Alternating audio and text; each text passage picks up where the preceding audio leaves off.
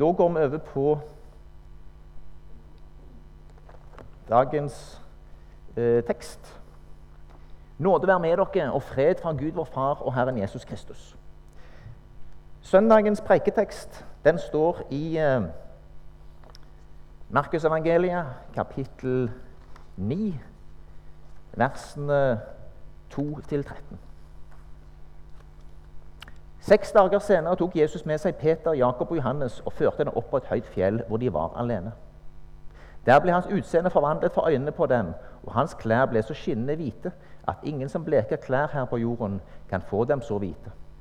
Elia viste seg for dem sammen med Moses, og de samtalte med Jesus. Da tok Peter til orde og sa til Jesus.: Rabbi, det er godt at vi er her. La oss bygge tre hytter. En til deg, en til Moses og en til Elia. Han visste ikke hva han skulle si, for de var slått av skrekk. Da kom det en sky og skygget over dem, og en røst lød fra skyen. Dette er min sønn, den elskede. Hør ham. Og med ett, da de så seg om, så de ingen andre hos seg enn Jesus. På veien ned fra fjellet påla han dem at de ikke skulle fortelle noen det de hadde sett, før menneskesønnen var slått opp fra de døde. De merket seg dette ordet og snakket med hverandre om hva det var å stå opp fra de døde. Og de spurte, sier ikke de skriftlærde at Elia først må komme? Han svarte, jo, Elia kommer først og setter alt i rette stand.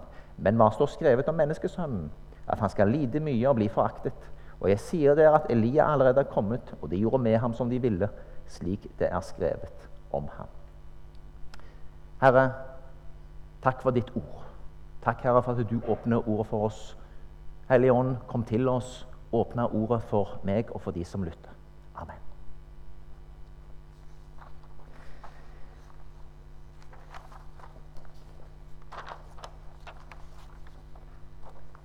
Ja,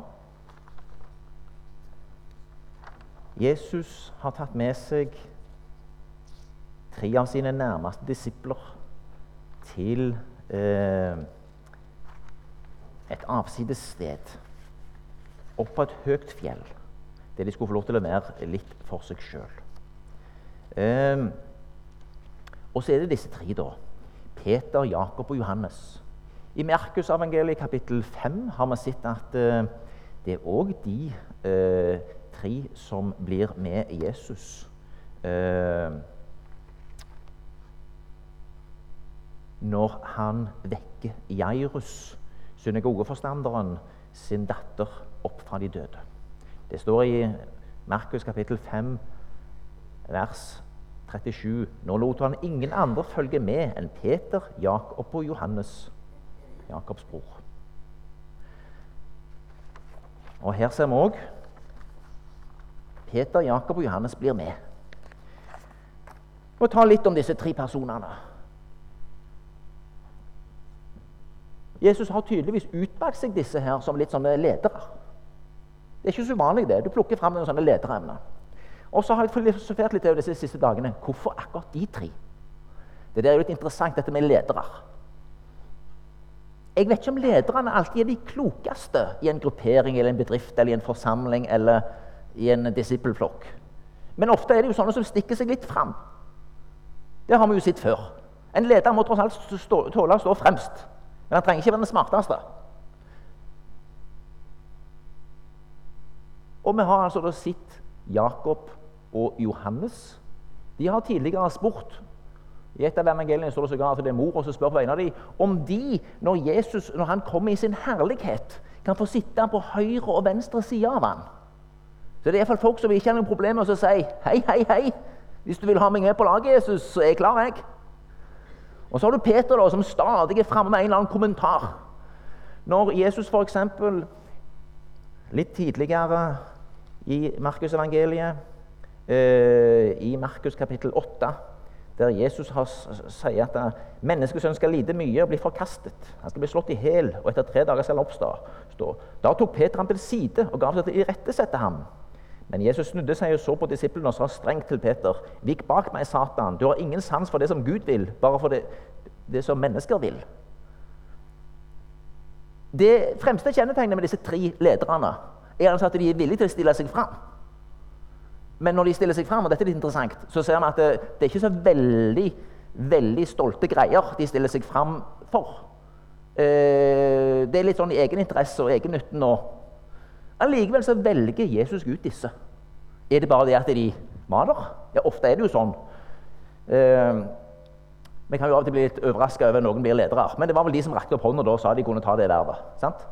Uh, mens vi andre kloke klokelig holdt kjeft. Men noen må jo ta ansvar og være ledere. Og dette er jo litt interessant i Guds rike. Det er ikke alltid sånn at det er den klokeste eller viseste eller de med alle nådegaver som blir lederleder.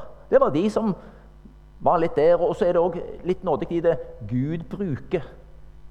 Gud bruker de. Gud former de. Dette var altså folk som på ulikt vis var litt høye på seg sjøl, eller lot sin stemme høre. Ikke alltid med gode grunner. Ja, ja. Jesus brukte de. Han trakk de til seg, og han brukte dette som han så som var noen lederegenskaper. Og i Jesu nærhet så kan de mest selvsikre og mest uh, selvopptatte bli omforma til noe som Gud kan bruke. Og Jesus brukte de. Og så ender de med veldig ulike livsløp. Jakob han var nok en tidlig leder etter første pinsedag. Han blir uh, tatt livet av med sverd i en forfølgelse som Herodes setter i gang. leser vi om i apostelgjerninger. Han dør ganske tidlig. Han blir martyr ganske tidlig. Peter fikk en lengre tjeneste, men han òg blir etter hvert, etter hvert martyrdøden. Men Johannes han fikk et langt liv og antas å ha dødd en naturlig død i Efesos. Selv om litt ulike meninger om det òg.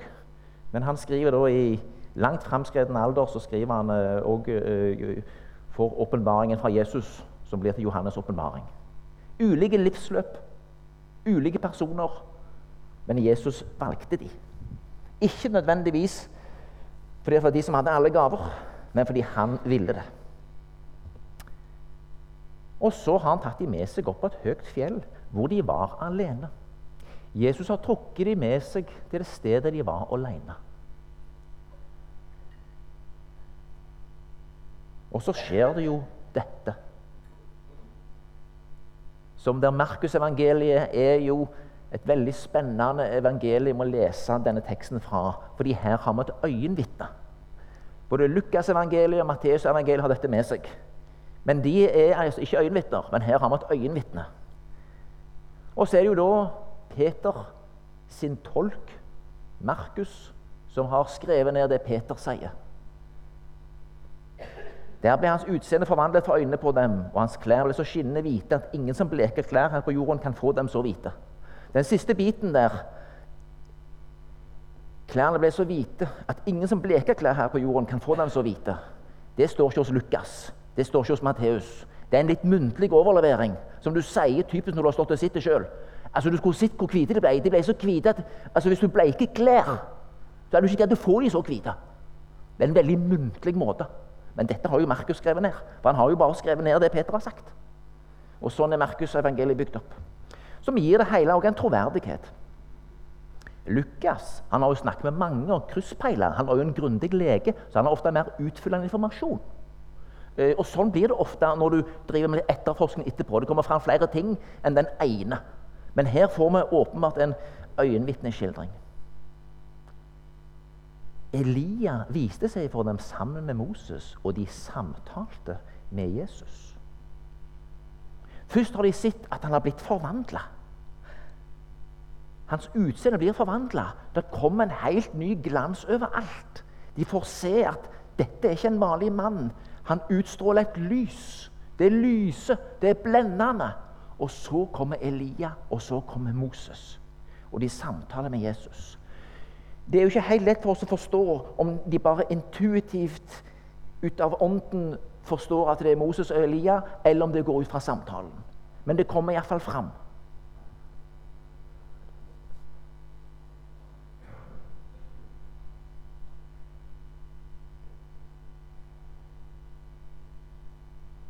Så snakker han da altså med Elia og Moses. Og her må vi dvele litt. Grann. Hvem er Elia? Hvem er Moses? Moses representerer jo den som fikk lovbudene, de ti bud og alle forskriftene, Moseloven og alle forordninger knytta til hva som skulle skje i møteteltet i tabernaklet, ofringen for Herren. Denne pakten som blir inngått på Sinai-fjellet. Der Israels folk sier ja, vi skal inngå en avtale med deg, Gud. Vi vil være ditt folk. Vi vil være din eiendom. Og Moses er lederen for dette. Så Moses representerer sånn sett loven og alle de forordninger som jødene hadde hatt. Elia han er jo en eh, profet som erfarer veldig sterke ting. Han eh, kan vi lese om i første kongebok, bl.a. i kapittel 18, eh, fra vers 21. Der sier Elia noe inn i en krevende situasjon i eh, Israel riket si, si eh, tid. Israel hadde løsrevet seg fra Juda og var et, et, rike som på mange måter hele veien var, hadde ledere som var, var frakobla Guds vilje. Og det hadde blitt mye hedenskap. Vi har kong Akab, som var en, eh, en av de mest uh, uh, ugudelige kongene. Og kona hans uh, var veldig fan av Baal. og det var 450 Baal-profeter. Og hele landet var litt sånn På ene siden kjente de Gud, men det har blitt mye Baal. Og så kommer Elia med, med et typisk utsagn for profeten. Første kongebok 1821. Hvor lenge vil dere halte til begge sider? Er Herren Gud, så hold dere til ham. Og er Bal Gud, så hold dere til ham. Men folket svarte ikke et ord. En veldig fortetta beskrivelse av profetens oppgave til å vekke folket, til å, til å snakke inn i en konkret situasjon der det er litt gale med Guds folk. Til å få dem på sporet. Hvis Gud er Gud, Herren, så hold dere til ham. Vekke folket opp. Vi har hatt sånne profeter. Hans Nilsen Hauge, andre, som vekkte folket opp. Og Hvis Baal er Gud, så hold dere til Han. Nei, men det er helt sånn type sånn som det er med de fleste. Litt Baal og litt, litt Gud. Litt penger og ting og litt Gud. Og så vakler en fra side til side, og folket sier ikke et ord. For de er forlegne. Og så ser vi at profeten videre eh, utfordrer Vi slakter to okser, vi bygger to alterer, vi legger oksene oppå, men vi skal ikke tenne ild. Den guden som svarer med ild, han er Gud. Historien er altså 450 Baal-profeter en hel dag danser rundt alteret, risper seg til blods, herser på. Elia begynner å håne de. Hvor er guden deres? Sover han? Ingenting skjer. Sjøl bygger han opp i en alter som var revet ned for den ene sanne Gud. Og han vender seg til Herren, og han ber inderlig om eh, at Gud svarer. Og Gud svarer med å sende han ild etter at Elia har bløyt ut hele alteret med svær vanngrav rundt. Og alt vannet blir bare oppslukt, og de ser hvem som er den sterkeste. Og det blir en, en renselsestid der Baal-profetene blir tatt livet av, og ja, Gud viser seg.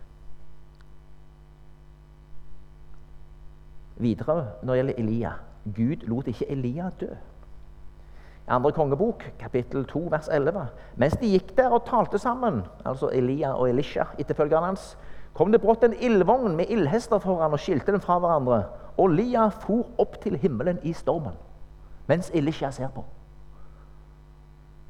Wow! Han døde ikke. Det finnes ikke noe grav etter ham. Han for rett til himmelen.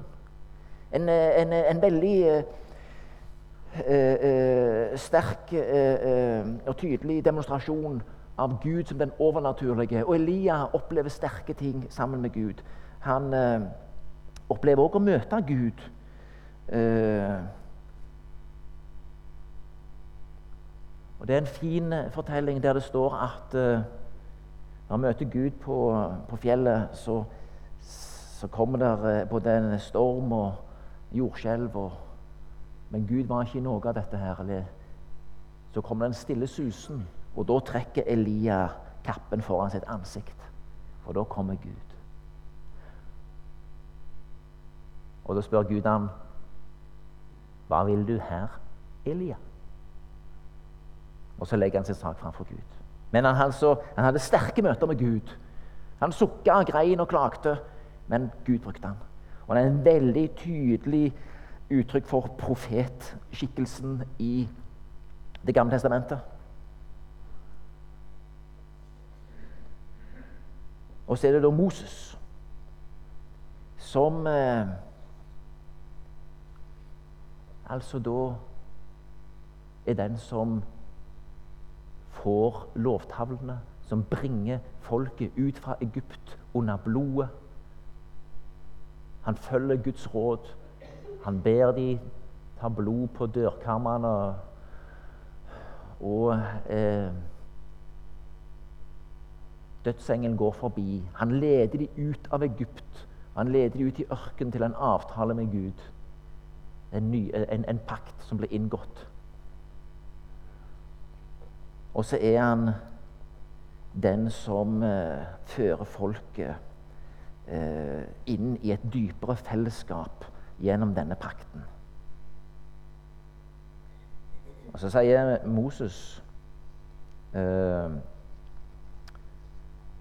på slutten av sitt liv, som er sitert fra Apostelen kapittel 3, vers 22-26, der det er Peter som taler. Moses sa, 'Herren Gud skal sende dere en profet som meg, en av deres egne brødre.' 'Og dere skal høre på alt det han sier dere.' Så Moses har allerede på slutten av sitt liv, i 5. Mosebok her, øh, øh, er vel i siste kapittelet i det siste kapittelet der han sier står det opp om det i, i, jeg tror det er i 5. 5. Mosebok kapittel 18, der han sier dette. Det skal komme en profet. Og dere skal høre på alt det han sier. Så de venter på denne profeten. Det Peter sier videre her om, om, det Moses sa. Men hver og en som ikke hører på denne profet, skal bli utryddet av folket. Alle profetene som har talt, helt fra Samuel av, har forkynt det som skjer i disse dager. Dere er profetenes barn og har del i den pakt som Gud gav deres fedre da han sa til Abraham, i, den, i din ett skal alle jordens slekter velsignes. Gud sendte sin tjener først til dere for å velsigne dere når hver og en vender om fra sin onde gjerning, sine onde gjerninger. Det vi altså ser her, når Moses og Elia blir synlige Nå har Jesus allerede sagt at han skal lie og dø. Moses og Elia står det altså det i parallellteksten i Lukas, kommer til ham om å snakke om det som skal skje i Jerusalem. De samtaler altså om de siste store tingene som Jesus gjør. Og så ser vi da følgende der Moses som representant for loven og Elias som representant for profetene, som både profeterte Guds vilje, men også pekte på Messias. Mange av profetene har enormt med Messias-profetier. Særlig Jesaja, Zakaria, enda flere. De peker fram mot Jesus. Slik at Moses og Elia samler på mange måter Gamle testamentet. Og de står nå og snakker om det som skal skje i Jerusalem. Det er en sterk, sterk, sterk historie. Som, som er en enorm sånn overgangshistorie som flytter Gamle testamentet inn i Nye testamentet. Og for å si det sånn da, Gamle testamentet står og heier på det som skjer. De, de, de, dette er så svært at, at Gud lar altså da Peter, Jakob og Johannes få se det. De får se at den gamle pakt loven og profetene, samtaler med Han som skal bringe den nye pakt fram. Og Jesus har fått en herlig skikkelse, og de får se dette.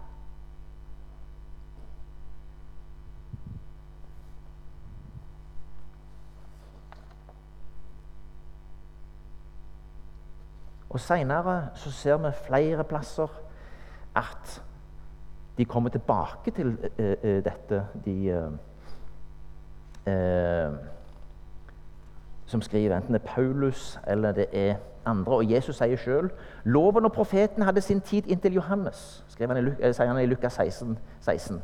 Fra da av forkynnes evangeliet om Guds rike. Så loven og profetene sin tid er nå til endes. Men med Johannes så har det blitt noe nytt. Og da er vi òg der at hvis vi går til det siste som står i Bibelen i Gamle Testamentet. I Malaki så står det noe veldig spennende.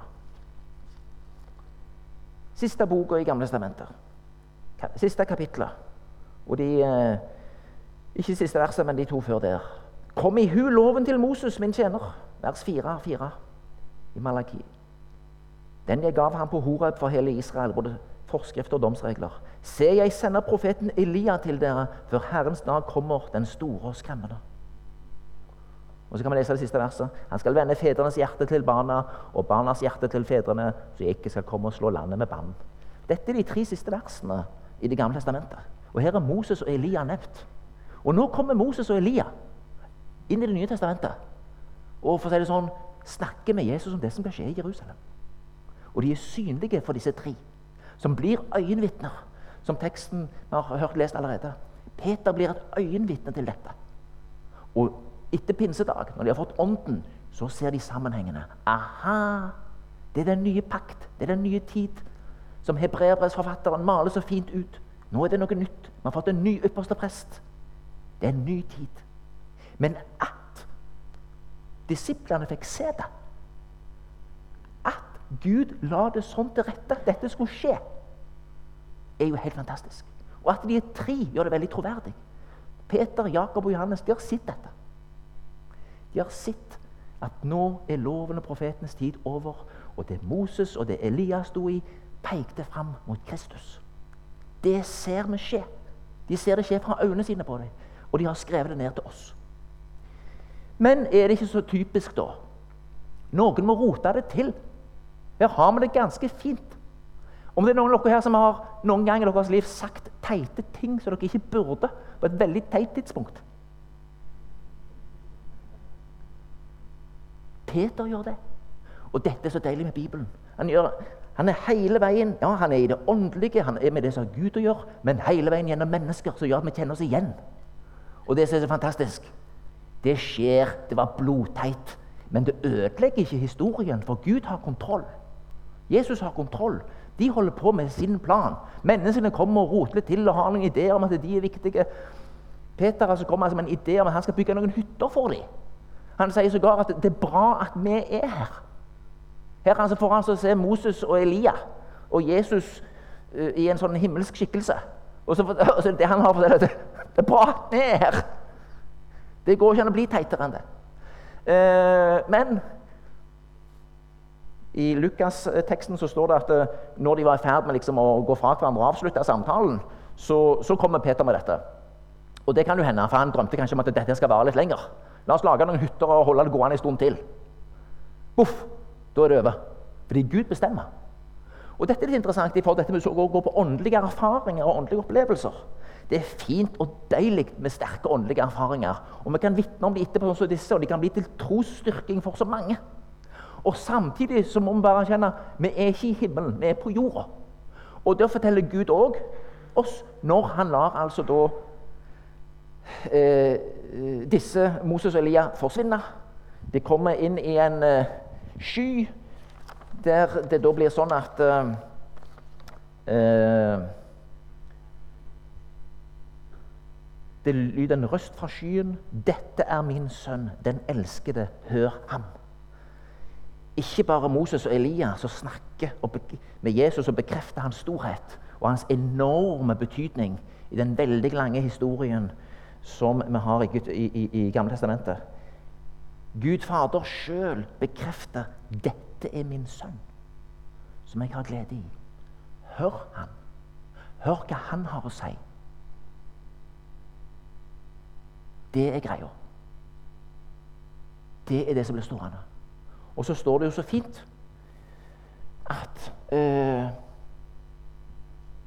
da de så seg omkring, så de ingen andre hos seg enn Jesus. Eller da så de bare Jesus alene, som nok er nærmere grunnteksten. De så bare hos seg Jesus alene. Og det er òg litt greia. Da er de tilbake til det vi som da i vår jordiske virkelighet har å forholde oss til. Det er Kristus. Det er Jesus. Det er han som har kommet. Det er han som skal ha ære. Det er han som gjør det. Det er han som dør på et kors. Det er han som er sonofferet. Det er han som er vår ypperste prest. Det er han som er vår talsmann. Det er han og Faderen som sender oss Den hellige ånd. Det er Kristus som har gjort det. Derfor kaller vi oss kristne. Vi er Kristi etterfølgere. Vi er sånne som lever sammen med Han. Og det er eh, viktig å ha med seg. Det er deilig med åndelige erfaringer. Det er deilig å være i lovsang og tilbedelse. Det er deilig når du kjenner bønnen bare flyter fritt, og den ene veksler med den andre. Den gode erfaringen, den gode opplevelsen, det kan vi virkelig ikke undervurdere. Og så boff er han av og til vekke. Og så spørs det da om vi bare er for å si det sånn, sånne junkier som leter etter de erfaringene, eller om vi kan hvile i Kristus og Hans ord. Det er viktig at vi får hvile i Kristus, og at han eh, får lov til å være det som eh, er midtpunktet. Og Samtidig så har han sendt oss Den hellige ånden, som gjør at vi har et levende fellesskap sammen med ham, der vi i ny og ne òg får rike erfaringer, rike åpenbaringer, som vi kan dele med andre, sånn som eh, Peter, Jakob og Johannes har gjort. Litt til slutt bare om teksten fra 2. Peter 1, 16-18. Må gjenta det som ble lest der. Vi fulgte jo ikke klok, uttenkte myter da vi kunngjorde for dere vår Herre Jesu Kristi kraft og Hans komme. Nei, vi var øyenvitner. De var tre stykker som så det. Og så Hans guddommelige storhet. For han fikk ære og herlighet av Gud sin far. Den gang røsten lød over ham fra den høyeste herlighet. Dette er min sønn, den elskede. I ham har jeg min glede. Vi hørte selv denne røsten fra himmelen da vi var sammen med han på det hellige fjell.